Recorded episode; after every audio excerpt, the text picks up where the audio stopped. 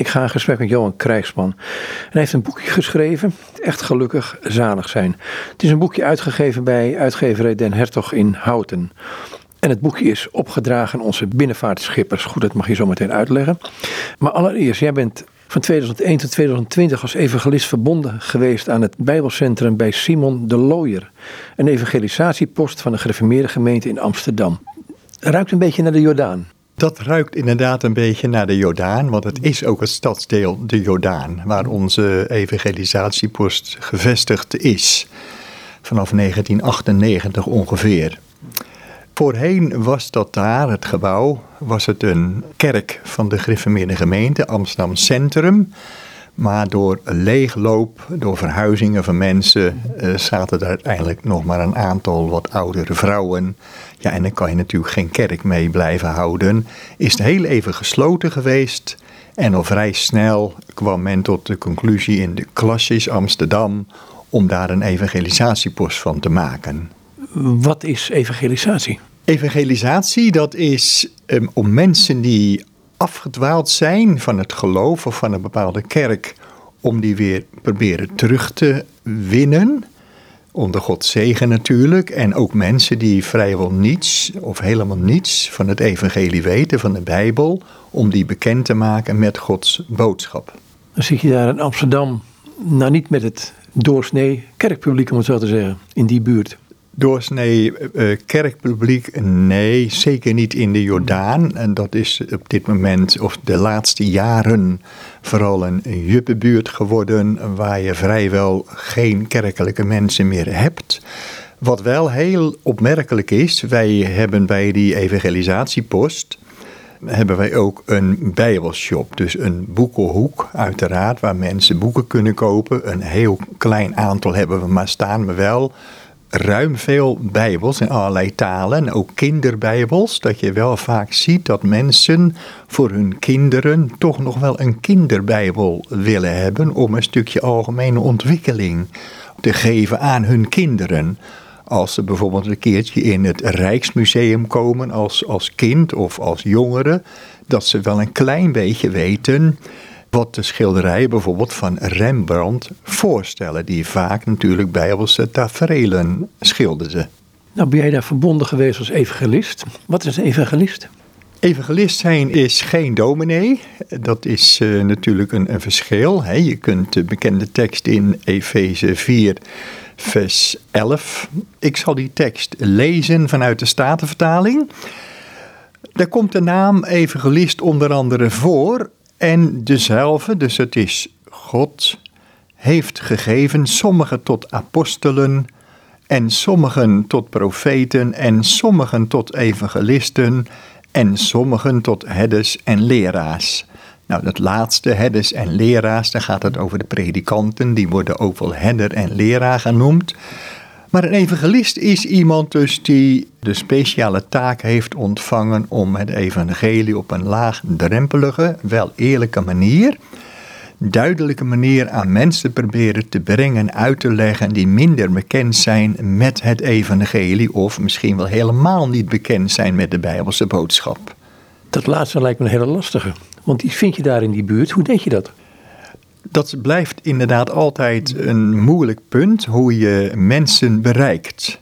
En hoe je mensen, hoe je een ingang vindt om mensen daarmee bekend te maken met die Bijbelse boodschap. Want we zeggen terecht naar de Bijbelse boodschap, geen mens zit op de Bijbelse boodschap van genade en zonde, om het even zo te zeggen, te wachten. Nou, meestal probeer je een praatje aan te knopen over de algemene dingen, de dagelijkse dingen die er spelen. Nou, dat is deze dagen is dat natuurlijk ja, heel duidelijk. De onrust in de wereld met de oorlog in Oekraïne. Met allerlei rampen die er toch wel heel veel op dit moment zijn. Uh, actuele dingen. Zoek je een ingang te krijgen bij mensen om zo proberen een paadje te stippelen naar de Bijbelse boodschap. En dat is een fijngevoelige iets. Je moet daar ook wel mensenkennis voor hebben. Dat kun je krijgen, ook van de Heere God, dat die mensen ook die bekwaamheid geeft. Maar je kan ook van nature al iets in je hebben dat je toch mensen snel aanvoelt, mag aanvoelen. Dat heb je niet zelf in de hand, maar de Heere God die heeft die mensen gaven gegeven. Hebben we net gelezen uit Efeze 4 vers 11. Is het dan belangrijk om te luisteren? Ja, dat is zeer belangrijk. Want wij willen allemaal heel graag praten. Hè? En als je evangelist bent, dan zoek je ook contact. Dus dan ben je ook, als het goed is, een mensenmens. En een mensenmens die praat graag. Maar daarom is het voor een mensenmens vaak heel moeilijk om goed te luisteren, mensen aan te kijken, maar eerst goed te luisteren waar mensen nu precies zitten, ja, waar ze nu precies mee, mee tobben, bij wijze van spreken. Dus tussen de regels door of achter de woorden te luisteren. Wat wordt hier nu gezegd? Wat niet gezegd wordt, maar wat ze ten diepste wel bedoelen. Is, is dat het cruciale eigenlijk van een gesprek ook in confrontatie met het evangelie? Dat denk ik wel. Trouwens, ik denk dat dat veel breder getrokken kan worden, uh, overal en altijd, om eerst goed te luisteren. Wat bedoelt men nu eigenlijk om een antwoord te kunnen geven? En sommige mensen die uh, verbergen met hun praten toch iets wat ze niet openlijk willen zeggen. En ik heb al meerdere keren met de gesprekjes over het evangelie, althans, dat je een ingang probeerde te vinden. Dat mensen eerst heel af ja, werend waren, wat ook helemaal niet vreemd is, want dat zijn wij, zoals de Bijbel dat mooi zegt van nature. Maar dat je uiteindelijk toch iets mocht proeven wat nou achter die weerstand zit. En dat je toch heel wonderlijk ingangen kreeg om toch bij de kern van je werk te mogen komen. Vraagt om beide, denk ik, kwetsbaarheid en veiligheid. Inderdaad, kwetsbaarheid, je eigen kwetsbaar opstellen, dat heeft natuurlijk zijn gevaren moet je ook zelf de leiding inhouden, maar ook een stukje veiligheid. Hè? Want evangelisatie, dat wil zeggen contact maken met. Hè? Dus mensen moeten zich ook serieus genomen voelen. Hè? En mensen ook al zeggen ze nog zulke dingen dat je denkt van hoe kom je daar nu bij, dat je ze niet belachelijk maakt. Want dan is een stukje veiligheid en is ook een stukje binding is dan weg. En je moet als eerste toch een stukje contact maken. Hè? Evangelisatie is ook relatie zoeken met. Dat is heel belangrijk. Er zijn soms wel gesprekken, als je al wat langer contact met mensen zou krijgen, dat het helemaal niet over de Bijbel gelijk gaat. Dat je eerst heel bewust aan het zoeken bent naar een relatie met iemand. Want evangelisatie is relatie. Je zoekt eerst naar een relatie met iemand op te bouwen. En dan kan het nou lang duren, naar ons gevoel, soms te lang. En wat je wil, toch een boodschap doorgeven. Maar dat je toch uiteindelijk heel voorzichtig bij die Bijbelse boodschap mag komen. Als je dat vertrouwen gevonden hebt. En als je inderdaad kwetsbaar opstelt. Maar ook daar tegelijkertijd een stukje veiligheid probeert in te bouwen. Dat mensen zich serieus genomen voelen. Ja, en dat opent dan weer perspectief voor verdere gesprekken, als die er al zijn. Maar de eerlijkheid gebiedt ook te zeggen dat evangelisatie vaak heel vluchtig is. Als je straatevangelisatie doet, al doe je het al met een folder, dat hoeft nog ineens altijd, maar dat je iemand een foldertje probeert aan te bieden, ja, dan merk je gewoon dat men daar echt niet op zit te wachten, want ze weten vaak ook niet waar dat foldertje over gaat, daarom kan je er beter bij zeggen. Een foldertje over het christelijk geloof of over God, dan weten ze het gelijk. Nou, dat is inderdaad moeizaam. Om zo je boodschap, hè, wat je kwijt wil, om dat toch te proberen te verkopen. Je moet ook een beetje een soort koopman zijn. Maar goed, ik, ik begrijp wat jouw woorden. Je hebt, je hebt geduld nodig. En natuurlijk het, het, het, wonderlijke dat je ook niet precies weet wat er gebeurt als je daar met zo'n voltje staat en je doet straatevangelisatie. Nee, dat kan je nooit van tevoren kun je dat paadje precies uitstippelen hoe een gesprek zal gaan lopen en wie je tegenkomt, daarom is ook van tevoren het gebed, en dat blijft altijd belangrijk in Gods koninkrijk. Het gebed is het allerbelangrijkste natuurlijk daarvoor en daarna. En of de Heere, zoals we dat dan netjes zeggen, mensen op je weg wil zetten, die hij zelf naar je toestuurt. En of hij je op dat moment ook woorden wil geven, de juiste woorden en het geduld. En vooral ook, laten we dat niet vergeten, de liefde om mensen te bereiken. Dat je echt bij mensen werkelijk ook binnen mag komen. Want daar gaat het om. Ik kan wel met iemand een gesprek hebben, maar dat je op de een of andere manier voelt, het blijft aan de buitenkant van zo iemand hangen. Uit fatsoen luistert er iemand even naar je, vijf minuten, tien minuten, maar je voelt al, het ketst toch af. Nou, waar we het net over hadden, daarom is het zo belangrijk om een stukje vertrouwen te krijgen bij mensen zodat ze zich ook van binnen laten zien. Zodat ze ook zichzelf geven aan je. Want het valt natuurlijk niet mee in deze tijd die bol staat van allerlei corruptie. en als ik iemand als vreemde aanspreek op straat, nou gaat er maar aanstaan. Maar dan is het wel de kunst die je dan ook krijgt om een stukje vertrouwen heel snel op te bouwen. Het betekent bijna dat, je zegt, kan ik bij de ander binnenkomen, maar kan de ander ook bij jou binnenkomen natuurlijk. Ja, dat klopt. En dat, daarom is het ook belangrijk, waar we het net over hadden, om je kwetsbaar op te stellen. Ik ga naar het boek toe, want hier kunnen we nog een hele tijd over praten. Want nou, ik ga toch nog een vraag stellen hierover. Je had het net over relatie. Hoe belangrijk is dan die relatie van jou met de Heer Jezus? Ehm, is dat een ruimte waarin je ja, opereert, wil ik niet zeggen, maar waar, waar je je in beweegt? Ja, als het goed is, is dat natuurlijk als eerste, moet dat aanwezig zijn, in welke mate dan ook. Hè. De Bijbel leert ons dat er verschillende gradaties als het ware van het geloof zijn, om het zo te zeggen, maar dat je wel zelf weet waarover je spreekt. Want anders ga je als een, over kleuren spreken als een blinde. En dan voelen mensen ook heel snel aan, zeker Amsterdammers, die ja, prachtige mensen zijn en, en die, die toch iets, iets hebben waar ik toch wel erg van hou. Hè, je moet natuurlijk van mensen ook houden, maar die voelen dan heel snel aan van ja, je praat er wel over, maar zoals we in de kerken wel eens zeggen, je praat er niet uit. Nou, dat is natuurlijk belangrijk, dat je zelf die relatie mag hebben uit genade. En dat leeft natuurlijk niet altijd op een niveau zoals je wel zou willen. Hè? Zoals het in een relatie tussen vrouw en man. Ja, er is wel een goede relatie, maar de ene keer bloeit dat meer van de liefde dan de andere keer. Nou, zo is het ook in de relatie met de Heer Jezus. De geloofsrelatie, laten we dat zo zeggen. door het wonder van zijn genade. Want dat hebben we niet in onze binnenzak. Maar dat geeft God uit genade. De Bijbel noemt het ook wel de wedergeboorte. Bekering en tot geloof komen. Je noemde eerder in het gesprek, had je het over. We hebben er zoveel moeite mee met die genade. Als ik het boekje erbij haal, geluk, dan proef ik daar hetzelfde in. Er is een soort moeite om, ja, laat ik het maar in mijn eigen woorden zeggen, om de Heer Jezus toe te laten of, of uh, je te buigen voor Hem. Een soort, bijna een soort afkeer. Ja, laat ik het zo zeggen. Je hebt natuurlijk, of natuurlijk, je kent en je hebt bekeringsgeschiedenissen. Hè? Dat zijn ook boeken waarin iemand zijn bekeringsgeschiedenis vertelt. Hè? Om het zo te zeggen. Nou, daar kunnen we een hele hoop over vertellen. Moeten we maar niet te veel doen.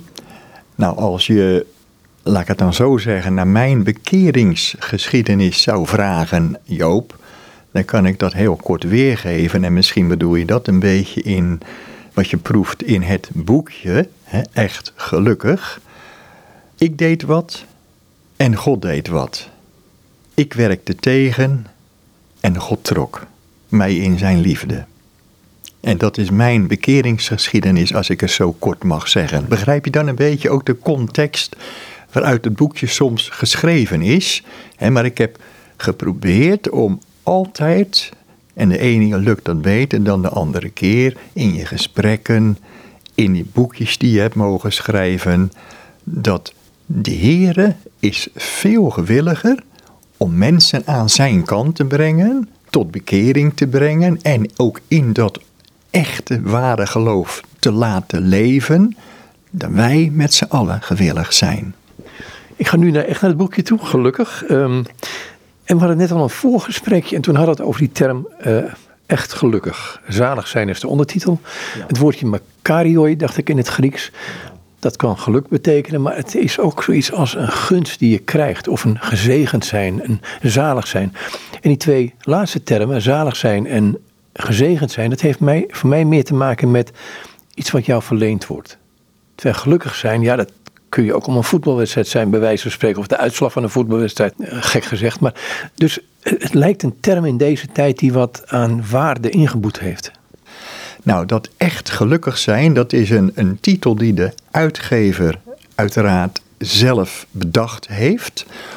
Om maar iets weer te geven, om het zo laag mogelijk te houden, zo drempelverlagend dat boekje aan te prijzen. Want wat ook op de achterflap van het boekje staat, iedereen, gelovige en ongelovige, die zijn op zoek naar geluk in deze wereld. In deze ongelukkige wereld is iedereen wel op zijn of haar manier naar geluk aan het zoeken.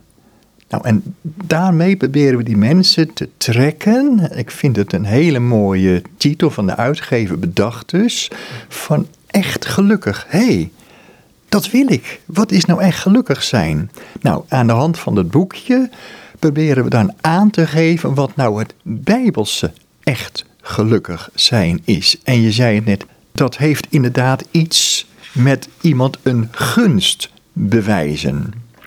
God wil mensen een gunst bewijzen, genade geven, waarin het echte geluk bestaat. En dat echte geluk, met een nadruk en een streepje onder dat eerste woord, echte geluk, dat betekent de drie-enige God in Christus Jezus echt kennen met je hart, zoals we dat dan wel zeggen. Niet alleen met je verstand. Dat is ook al bijzonder, hè? als mensen echt verstandelijk tot die overreding komen. Er moet een God zijn, maar het hart, dat gaat dieper. Daar zit de liefde in. Nou, en dat is inderdaad een gunst die God aan mensen geeft. En de Bijbel vertaalt dat dan wel als zalig zijn. En het woordje zalig, dat mogen we nooit loskoppelen van de zaligmaker, de Heer Jezus Christus. Je voelt het wel aan, daar zit het woordje zalig in. Dus zalig zijn heeft alles te maken, een relatie ontvangen hebben van de drie-enige God met Christus Jezus de Heer. Misschien kun je de zaligsprekingen lezen uit uh, Matthäus 5. Nou, ik wil ze graag lezen. En dan lees ik ze vanuit de Statenvertaling uit Matthäus 5, vers 1 tot en met 12. En de Statenvertaling die vertaalt dat dan ook heel mooi. En voordat ik dat dan wil lezen, kijk, de zaligsprekingen die vinden we in Matthäus 5, vers 1 tot en met 12 maar die maken onderdeel uit van de bergrede. De bergrede zouden we kunnen noemen de eerste grote preek die de Heer Jezus hield tijdens zijn verblijf op aarde. Matthäus 5, 6 en 7. Nou, ik lees het eerste stukje van Matthäus 5. En Jezus, de schare ziende, is geklommen op een berg. En als zij nedergezeten was, dus hij ging zitten, kwamen zijn discipelen tot hem. En zijn mond geopend hebbende, leerde hij hen, zeggende: Zalig zijn de armen van geest, want hunner of van hun is het koninkrijk der hemelen. Zalig zijn die treuren, want zij zullen vertroost worden. Zalig zijn de zachtmoedigen, want zij zullen het aardrijk beërven. Zalig zijn die hongeren en dorsten naar de gerechtigheid, want zij zullen verzadigd worden. Zalig zijn de barmhartigen, want hun zal barmhartigheid geschieden. Zalig zijn de reinen van hart, want zij zullen God zien. Zalig zijn de vreedzamen, want zij zullen Gods kinderen genaamd worden. Zalig zijn die vervolgd worden om der gerechtigheid wil, want hunner of van hun is het koninkrijk der hemelen. Zalig zijt gij als u de mensen smaden en vervolgen en liegende alle kwaad tegen u spreken om mijnentwil. Verblijd en verheugt u, want uw loon is groot in de hemelen, want alzo hebben zij vervolgd de profeten die voor u geweest zijn.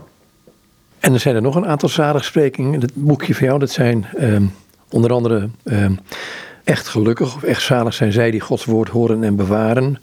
Eh, echt zalig zijn de weldoeners en de doeners en zij die geloven. Die heb je erbij gezet. Ehm, maar wat mij in deze opvalt altijd is, kijk, dat je zalig bent of gelukkig bent of gezegend bent als je vredemaker bent of barmhartig bent of als je zalig bent zul je God zien.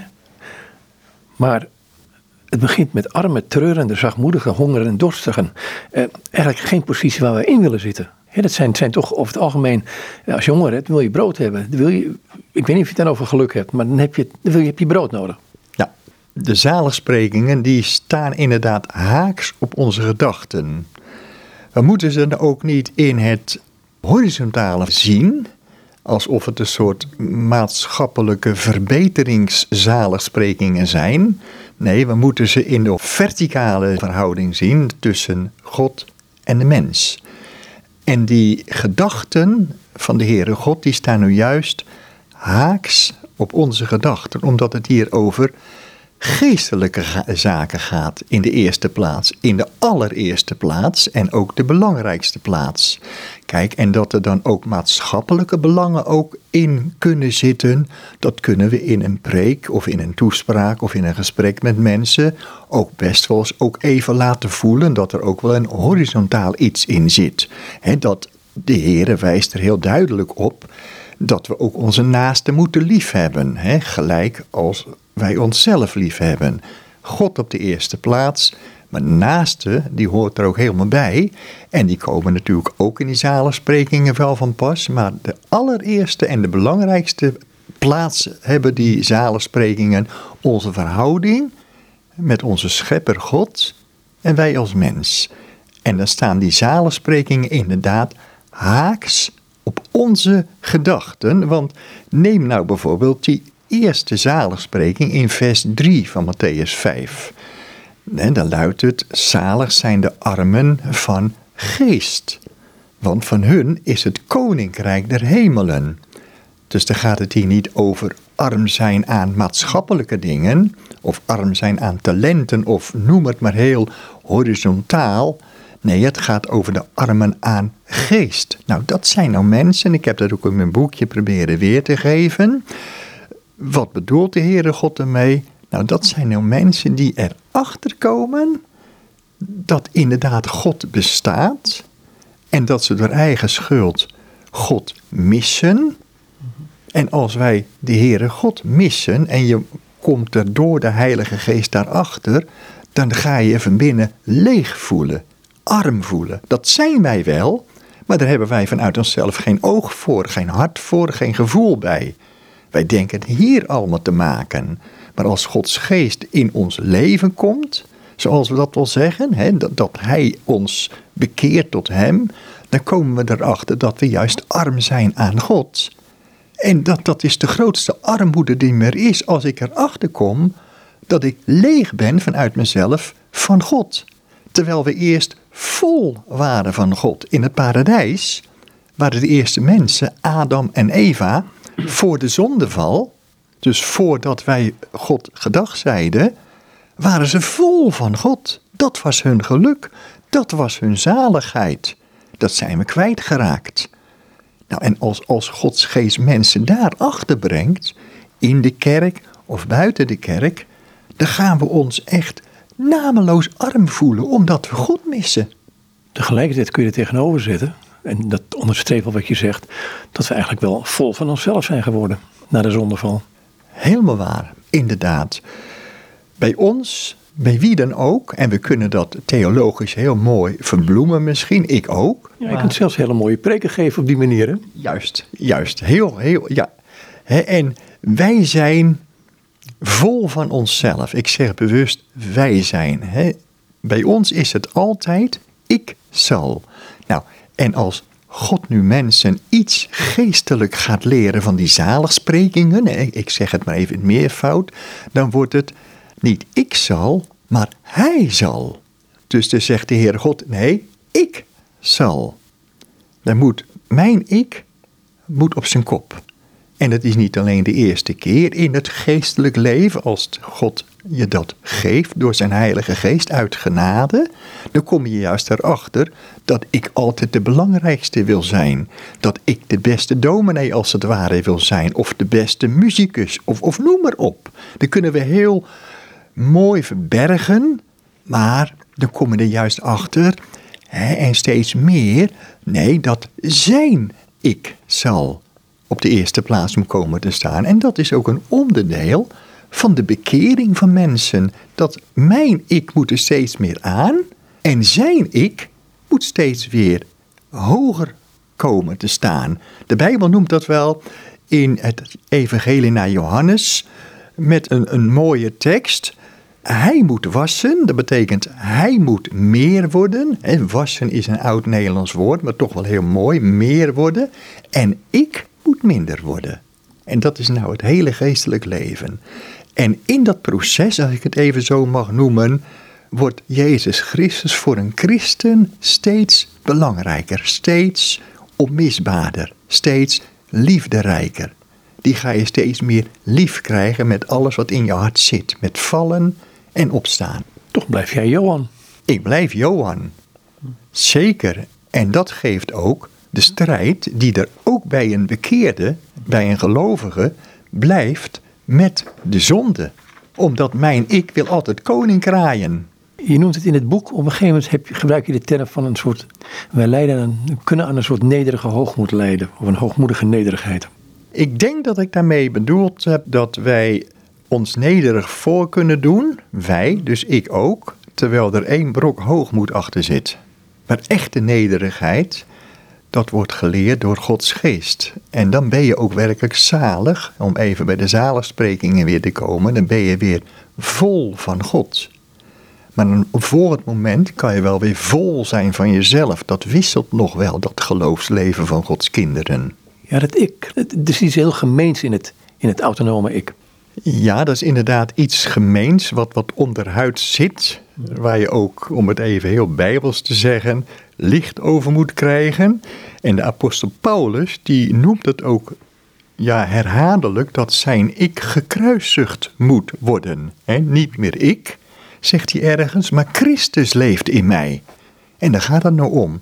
En dat is een, een weg achter de Heer Jezus Christus aan. Want als er iemand zichzelf wegcijferde, zijn ik notabene, zijn ik, de grote ik.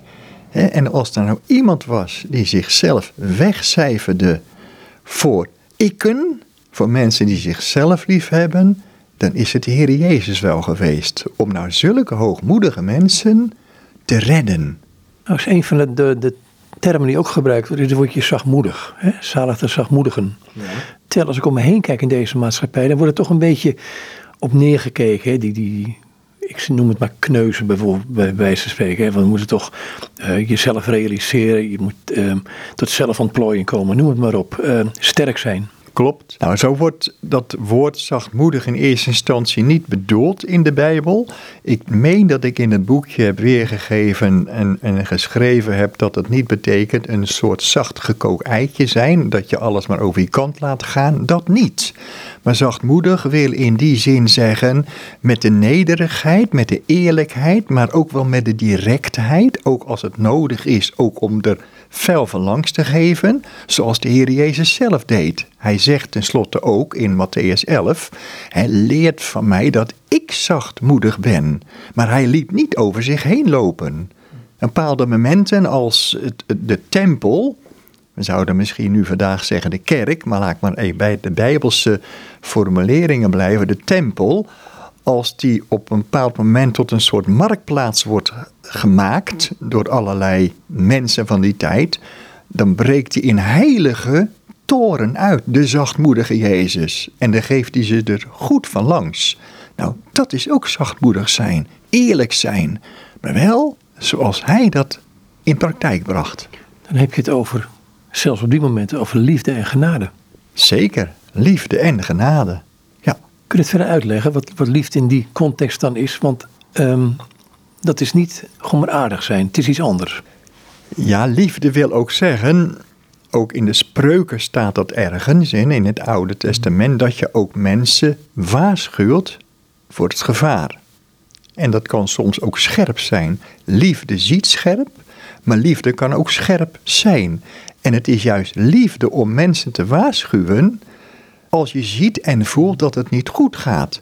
als mijn zoon of een van mijn kleinkinderen die het niet in de gaten hebben en die dreigen in de gracht als het ware in Amsterdam te lopen, omdat ze denken dat dat wel kan, omdat er allemaal kroost op, op een plas ligt, laat ik het maar even zo zeggen, en dat ze denken dat dat een stuk gras is, dan proberen ze uit liefde, ook al willen ze nog net zo graag op die plas lopen waar dan kroost op ligt, dan denken ze dat het gras is, proberen ze daar vanaf te trekken, ook al sparten ze tegen. Er zit liefde achter. Nou, en zo kan ook de Bijbelse liefde en de liefde van een christen, en zeker de liefde van de grote liefdevolle Christus, zijn om mensen zo in liefde ook te waarschuwen. Er zit ook liefde achter dus. Nou heb je het boekje mee begonnen met een stuk uit de nadere reformatie van Jodokus van Lodestein. Kun je het voorlezen misschien? Inderdaad, dat is een uh, gedicht wat nog wel eens wordt aangehaald van Jacobus van Lodestein. Zalig, zalig niets te wezen in ons eigen oog voor God. Eigen zin en lust te vrezen, steeds te rusten in ons lot. Nederig, kinderlijk en stil, ons te voegen naar zijn wil. Waarom heb je dit stukje gekozen? Omdat daar naar mijn gevoel kort in wordt weergegeven wat nu zalig zijn is in de bijbelse zin van het woord. De overgave van de wil. De overgave van de wil, ja. Word je dan willoos, een soort robot? Nee, dat niet. Nee, want je blijft helemaal mens. Zoals je net mij ook al vroeg, je blijft wel Johan. Maar in de wedergeboorte wordt ook onze wil, die wordt vernieuwd. Dus wij gaan willen wat God wil. Met die nieuwe wil. Maar tegelijkertijd houden wij ook, waar Paulus ook over klaagt, bijvoorbeeld in Romeinen 7, nog zijn eigen wil. ik, het kwade dat ik niet wil, klaagt hij daar. Dat doe ik. En het goede dat ik wel wil, dat doe ik niet. En dan, dan, dan komt hij tot de conclusie, ja, hoe moet dat nu weer goed worden? En dan eindigt hij niet in die mineur. Nee, dan zegt hij van, ik dank God door Jezus Christus onze Heer. Ja, dan kom ik bij een ander stuk in het boek, dat is de voetwassing. Dat heb je ook gebruikt als een soort ja. zaligspreking. Ja, leg het zelf maar uit. Je mag het zelfs van mij lezen voor een deel, want het is eigenlijk een heel mooi stuk van, hè, je noemt het daarin, waarin Jezus dient. Ja. En dat is een aspect wat wij misschien te weinig in de gaten hebben van de Heer Jezus, dat Hij dienend is aan ons. Inderdaad, de Heer Jezus die zegt zelf, ik ben niet gekomen om gediend te worden, maar om te dienen. Paulus die noemt dat zelfs in zijn brieven dat Christus tot een slaaf is geworden. dus een dienende functie heeft. Het minste, zeker in die tijd, in de Bijbelse tijd, was dat een hele minderwaardige functie. Nou, Christus die wilde zichzelf als God zo diep vernederen dat hij dus een slaaf werd. Dat hij het werk deed wat toen heel verachtelijk was, als slaaf. Om zonde slaven te verlossen en ze echt zalig te maken. Nou, dat kom je vooral tegen in een bekend hoofdstuk. Als mensen wat meer bekend zijn met de Bijbel, dan herkennen ze dat direct in Johannes 13 vinden we dat, de zogenaamde paalsmaaltijd, de voetwassing. Dat de Heer Jezus daar het werk gaat doen van een slaaf om de voeten van de discipelen te wassen. Dat was in die tijd de gewoonte. Hè? Dat men als men ging eten, dat eerst de voeten werden gewassen. Nou, en dat deed normaal, deed dat tijdens een maaltijd, deed dat een slaaf. Maar hier gaat de Heer Jezus dat doen omdat de discipelen die weigeren om bij elkaar de voeten te wassen. En dan ziet Jezus dat en dan staat hij op van dat avondmaal, van dat maal zoals het hier dan wordt genoemd. En dan gaat hij de discipelen de voeten wassen. En dan is het angstig stil in die paaszaal waar dat gebeurt. En er komt Jezus bij de voeten van de discipel Petrus en die weigert dat. Die zegt op een bepaald moment, zult u mij de voeten wassen? Nee, dat nooit. Dat nooit. Maar dan zegt de Heer Jezus, indien ik je niet was, dan heb je geen deel met mij. Die trekt er gelijk weer een, in een hoger plan, zal ik bijna zeggen, in het geestelijke. En als Petrus dat dan merkte, zegt hij van nee heren, geen deel met u hebben, niet bij u horen, was mij dan maar helemaal. Dus het is echt onze Petrus die dat dan weer in, in het groot wil. En dan zegt Jezus, nee, die gewassen is, er is niet voor nodig dan alleen de voeten te wassen. Nou, de intentie van dat Johannes 13 is dat hij daar dus buigt voor de discipelen, want de voeten worden gewassen, dus hij moet door de knieën heen, dat hij daar dus het werk gaat doen van een slaaf en dat hij daar in praktijk brengt wat hij zelf leert. Ik ben niet gekomen om gediend te worden, maar om te dienen. En dat gaat hij daar in praktijk brengen. Het minste werk. En zo is de Heer Jezus nog steeds voor mensen die hun neus voor Hem ophalen, hun voeten van Hem aftrekken of zelfs hun schoenen er niet voor aandoen om naar Zijn boodschap te luisteren, die komt op dit moment nog door middel van dit programma tot ons van laat je door mij redden en laat je ook door mij uh, laten weten dat je gered moet worden, want dat hebben we vanuit onszelf niet in de gaten. We denken allemaal dat het allemaal wel zal gaan, maar mensen, sterven is wel God ontmoeten. Een rechtvaardig God. Zo is de Heere God ook. En dat kunnen we het beste zien als we zien wat de Heere Jezus heeft moeten lijden voor de zonde. Dat God de zonde niet ongestraft laat, maar dat die gestraft moet worden, of aan een ander, of aan mij. Nou, dat is nu het werk wat de Heer Jezus als het ware gedaan heeft om dat mensen te leren en dat Hij daar nu toe bereidwillig is om mensen te dienen met Zijn gaven, met Zijn genadegaven, zoals Hij die aanprijst en aanbiedt. Nou, er is Johannes 13, dat stukje wat over die voetwassing gaat, is daar vol van. Tijdens de voetwassing wordt een stuk brood aan Judas gegeven die gaan hem verraden. En dan zegt Jezus daarna, dat sluit aan bij wat je net zei over het, het, het offer wat Jezus brengt. Nu is de zoon dus mensen verheerlijkt. Dacht ik dat er zoiets stond. Ja, dat klopt. Ik moet het even opzoeken. Er staat in vers 26 dat, of daarvoor al, dat de Heer Jezus zegt aan die paasmaaltijd, dus nadat dit gebeurd is van die voetwassing, dat Jezus daar als slaaf dus dat werk ging doen dan zegt hij in datzelfde gedeelte: Ik zeg jullie, één van jullie zal mij gaan verraden. Nou, dan gaan ze allemaal vragen, omdat ze zichzelf niet vertrouwen. Dat is ook een eigenschap van het geloof, dat je jezelf gaat wantrouwen. Niet kinderlijk, ziekelijk of wat dan ook, maar toch is dat wel een eigenschap. Dan gaan ze allemaal vragen: Ben ik het Heere? En ook Judas, die hem later zal gaan verraden, niet zo lang hierna, die zegt, ben ik het rabbi? Nou, dan zegt de Heer Jezus, wie is dat dan? om een stukje over te slaan. En dan zegt de Heer Jezus in vers 26 van Johannes 13, dan lees ik dat, die tekst even voor. Jezus antwoordde, deze is het, dien ik de beten, dus een stukje brood, als ik ze ingedoopt heb, geven zal. En als hij de beten ingedoopt had, gaf hij ze Judas, Simons zoon Iscariot. En nu komt een aangrijpende tekst. Ja, en dat moet ik toch ook echt even doorgeven. En na deze en na de bete, toen voerde Satan in hem, dus in Judas. Jezus dan zei tot hem: Wat gij doet, doe het haastiglijk, dus doe het snel. Dat is best aangrijpend dat een discipel die dus een volgeling was van de Heer Jezus, dat op dat moment de Satan macht over hem kreeg.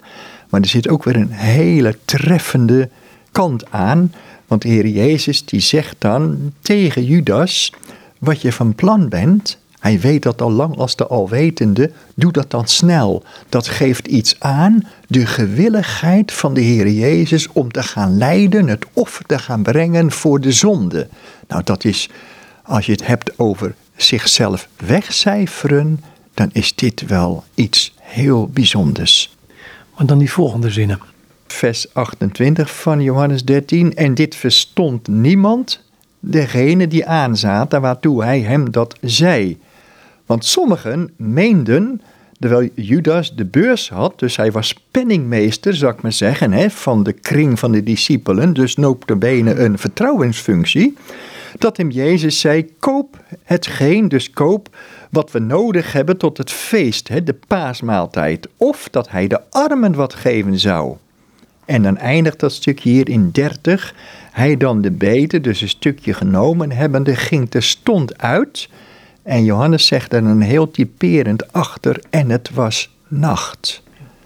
En dat was niet alleen nacht, letterlijk nacht, maar Johannes, dat is echt Johannes, die, die, die geeft hiermee weer.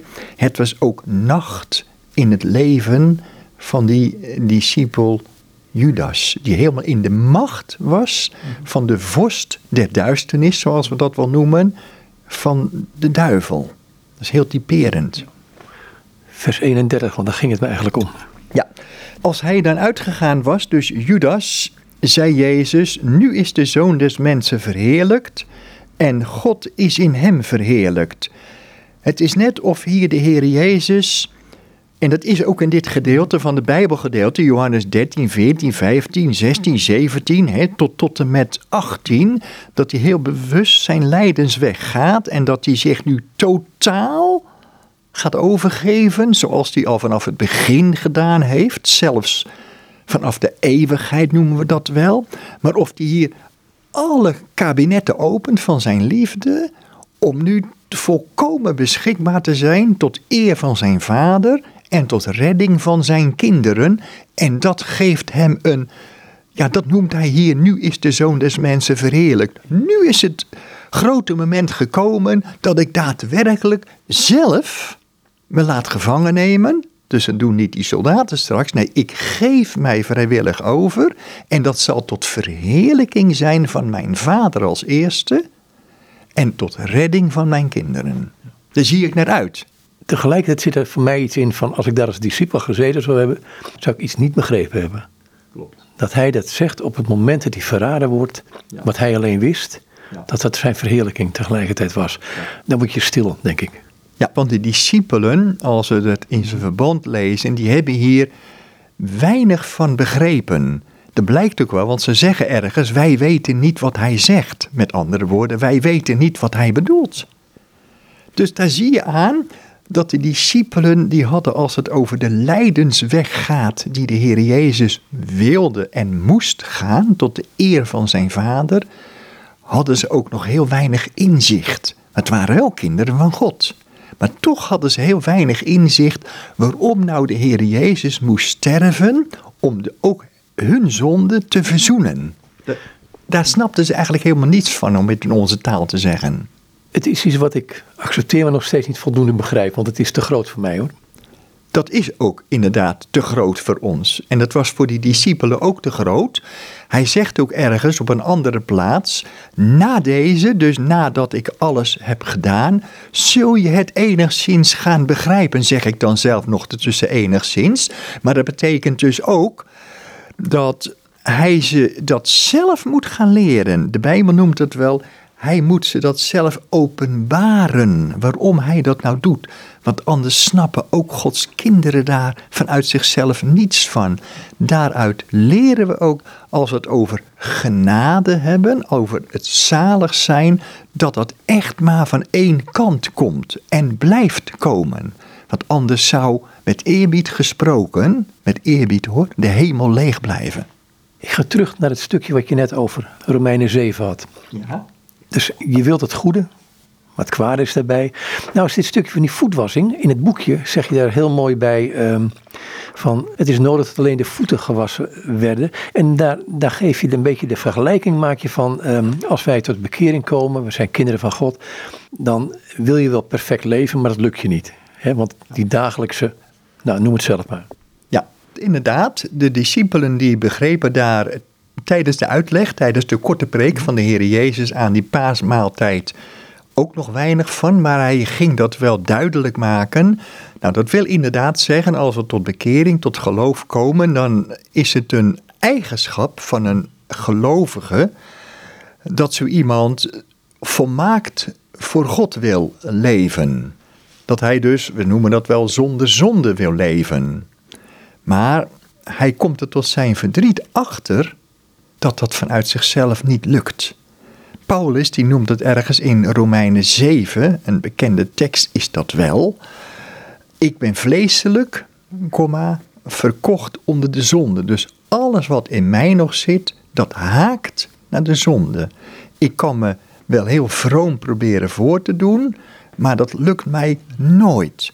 Dus elke dag, elk moment doe ik nog zonde. Nou, dat bedoelt de Heer Jezus, dat elke keer worden die voeten, om het even symbolisch te zeggen, die worden weer bezoedeld. Dat leven van Gods kinderen wordt steeds weer bezoedeld met allerlei zonden in gedachten, woorden en werken. En dat heeft elke dag nodig, of elk moment, dat dat gewassen wordt, gereinigd wordt, vergeven wordt door zijn bloed, door zijn genade. Nou, zit er ook een stukje in wat je net zei, gebruik je de woorden ehm, dat Jezus hun voordeed. Hè? Jezus diende hen, ehm, dus zij zagen wat Jezus deed. Is dat zien op Jezus? Is het wezen ook om een beetje tot een besef te komen van wie is? Ik weet, er staat in Johannes een hele mooie tekst, 1 Johannes. Ja, je gaat Hebreeën 12 opzoeken, mag je ook lezen, prima. Maar Johannes is een prachtige tekst. Uh, als we hem zien zoals hij is, dan zullen we hem gelijk zijn. Is dat de reden om je voortdurend maar aan Jezus te... Nou, spiegelen is het goede woord niet, maar om te zien op hem? Ja, dat is inderdaad de reden om steeds maar te zien op hem... Want juist een, een, een christen, laat ik het dan even zo zeggen met het woordje hiervoor, een echte christen, die komt erachter dat het uit hem of haar natuurlijk nooit wat zal worden. Ze willen wel heilig voor God leven, hè? daar bedoelen we mee zonder zonde voor God leven, maar vanuit zichzelf komen ze daar nooit. Daar hebben ze juist steeds weer de grote heiligmaker, Christus, voor nodig.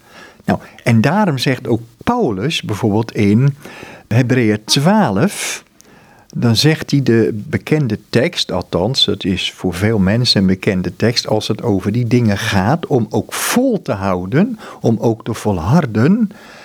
Dan spreekt hij in Hebreeën 11 eerst over allerlei geloofshelden vanuit het Oude Testament, die hij de revue laat passeren. En dan haakt hij daar direct in hoofdstuk 12 op aan. Dan zegt hij: Daarom dan ook als wij zo groot een wolk der getuigen rondom ons hebben liggen, dus niet achter ons, nee, rondom ons. je kunt het tasten en zien. Laat ons afleggen, er komt weer die opdracht, alle last en de zonde die ons lichtelijk, dus gemakkelijk omringt. En laat ons met leidzaamheid, met geduld, met volharding, mag je ook zeggen, lopen de loopbaan die ons voorgesteld is. Dan zou je zeggen, moet ik dat doen? Nee, zegt Paulus dan in vers 2, ziende, wat je net zelf zei Joop, ziende op de overste leidsman en voleinder van het geloof Jezus, de welke voor de vreugde die hem voorgesteld was, het kruis heeft verdragen en schande veracht. En dan komt hij bij de climax en is gezeten aan de rechterhand van de troon Gods. En dat is het geloofsleven niet op jezelf zien. Er is een christen toe zo geneigd, zoals alle mensen, dat het eigen ik, hè, waar we het net over hadden. Nee, zegt de Bijbel, zegt Jezus, zegt Paulus, zegt de Bijbel, zegt de drie-enige God, ziende het geloofsoog gericht op de Heer Jezus Christus. Anders blijft het hopeloos. En ook dat zien, dat geloofszien, en dat is dus niet zoals wij elkaar nu zien, nee, we begrijpen elkaar, maar dat is dat je ogen, of dat je hart als het ware ogen krijgt op Jezus. Dat zijn eigenlijk weer in het begin van ons gesprek, uh, waarin je zei van, ehm, het gaat om die relatie. Die relatie is dan een wederkerigheid, heeft het in zich. En die relatie, hoe, je vertelt hoe je daarin komt, maar hoe onderhoud je die? Want daar heeft dit ook mee te maken. Die wordt onderhouden door, zoals we dat wel eens noemen, door woord en geest. Dat is een tweeling. Het woord alleen, dus daar bedoel ik mee Gods woord, de Bijbel. Als we dat op zich nemen, dat is goed dat we veel Bijbelkennis hebben, hè, om in gesprekken met mensen, ook met het evangelisatiewerk of met het getuigen, is dat goed als we dat hebben. Maar dat is niet genoeg. Het gaat om die geest hè, die dat woord inwendig in ons brengt voor de eerste keer en dat steeds weer doet. Maar woord en geest, dat zijn de middelen die de Heer zelf wil zegenen, waarin die beloofd heeft dat die relatie, zoals je dat noemt, onderhouden wordt. Kijk, wij moeten dagelijks eten. Anders dan gaat het niet goed. God die kan ons ook zonder eten en drinken, kan die ons onderhouden. Denk aan Mozes die 40 dagen en nachten op de bergen was zonder eten en drinken. Zo'n machtige God hebben wij. Maar de normale omstandigheden zijn dat we van de middelen gebruik moeten maken. En zo is het ook met het lezen, biddend lezen van Gods woord. En het komen naar de kerkdiensten, naar de samenkomsten om te luisteren naar de woorden van het eeuwige leven. Dat wil God gebruiken om zijn kinderen te voeden en te laten groeien. En hoe meer wij nu gaan groeien in het geloof, hoe minder we worden in onszelf, maar hoe meer de Heer Jezus wordt. En dan zalig zijn heeft een betrekking in eerste instantie op je relatie met. En het bepaalt tegelijkertijd, gek genoeg, hoe je in de wereld staat zonder van de wereld te zijn. Dat zegt ook uh, Paulus in de Romeinenbrief. Inderdaad, in de wereld te zijn, zonder van de wereld te zijn. Daar wordt eigenlijk mee bedoeld, even kort gezegd, hè, anders wordt het te lang. Uh, maar niet te leven volgens de patronen van deze wereld. Hè? Van dat we alles hier in het hier en nu zoeken. Terwijl we weten, ja dat kunnen we weten, maar helaas leven we er allemaal heel snel aan voorbij. Dat er in een moment van tijd kan het afgelopen zijn. Door middel van, nou noem het maar op, hè, dat mensen plotseling sterven. Kijk dus, in de wereld leven zonder van de wereld te zijn, wil zeggen in de wereld gewoon je taak te doen want ook trouw je werk doen is ook godsdienst.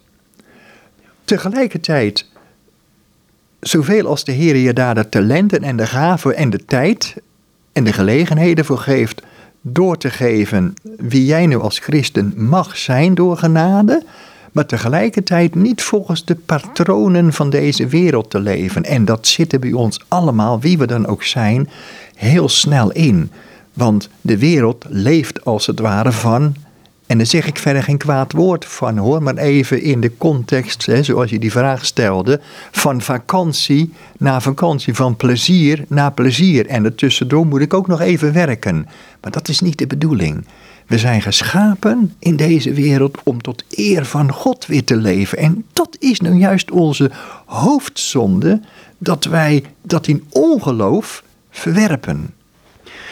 Ik wou het hierbij laten, maar ik heb nog één vraag. Um, in het boekje heb je het dan over, wat je net zegt, over echt gelukkig zijn, uh, zalig zijn, dat het echt gelukkig, dat het te maken heeft met je relatie met God. Ehm, maar het boekje is opgedragen aan onze binnenvaartschippers. Waarom? Ja, leuk dat je dat vraagt. De voorgaande boekjes heb ik ook de meeste, die voorgaande vier dacht ik, heb ik ook de meeste ook opgedragen wel aan iemand. ik, ik geloof de eerste keer dat ik dat eh, wilde doen, dat was aan mijn uh, lieve vrouw Ada. Nou, ik heb het ook wel eens gedaan aan mijn kinderen en kleinkinderen. Nou, deze dan aan onze binnenvaartschippers. Uh, waarom? Dat komt omdat tijdens ons werk in Amsterdam van mijn vrouw en ik, tijdens de samenkomsten, tijdens de kerkdiensten zouden we zeggen heb je ook veel te maken met binnenvaartschippers, die dus in de haven van Amsterdam liggen en die dan naar een kerk willen. Of dat nou een evangelisatiepost is of, of, een, of een geïnstitueerde kerk, maar die zoeken een dienst, een samenkomst, een mee te maken. Nou, dat zijn vaak ook gezinnen die, waar je dan, die dan in de samenkomst komen, hè, tijdens de zondagse samenkomst, waarmee je dan een soort band ook opbouwt Hè, binnenvaartschippers die hebben geen eigen huis, meestal niet. Dat is wat aan het veranderen, dat ze vaak ook nu een huis op de wal kopen. Maar zo heb je een, in al die jaren dat we dat werk hebben mogen doen, een, een goede band met die binnenvaartschippers opgebouwd. En soms zijn die van heel verschillende kerkgenootschappen. Maar hun hebben ook geleerd om over de kerkmuren heen te kijken, omdat ze niet altijd in de gelegenheid zijn als ze in een haven liggen om naar hun, ik noem het even, eigen gemeente te gaan, een eigen kerk. Nee, dat ze ergens gaan waarvan ze vertrouwen dat daar het hele woord van God gebracht wordt. Nou, zo bouw je een relatie op met die binnenvaartschippers. Wij zijn nou, wij, mijn vrouw en ik, ik noem dat even zo, hè, drie jaar met emeritaat of pensioen, net hoe je het noemen wil, hebben nog steeds een goede band met heel veel schippers. We worden ook wel eens door die schippers uitgenodigd om een paar dagen of nog langer mee te varen op een binnenvaartschip. Nou, dan proef je even een heel andere sfeer. Dat is gewoon prachtig.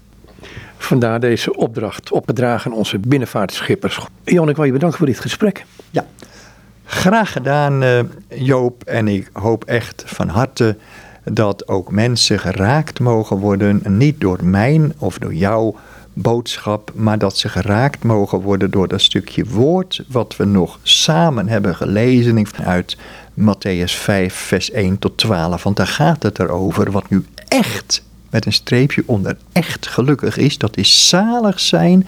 En zalig, dat wil zeggen vol zijn van God en leeg van jezelf.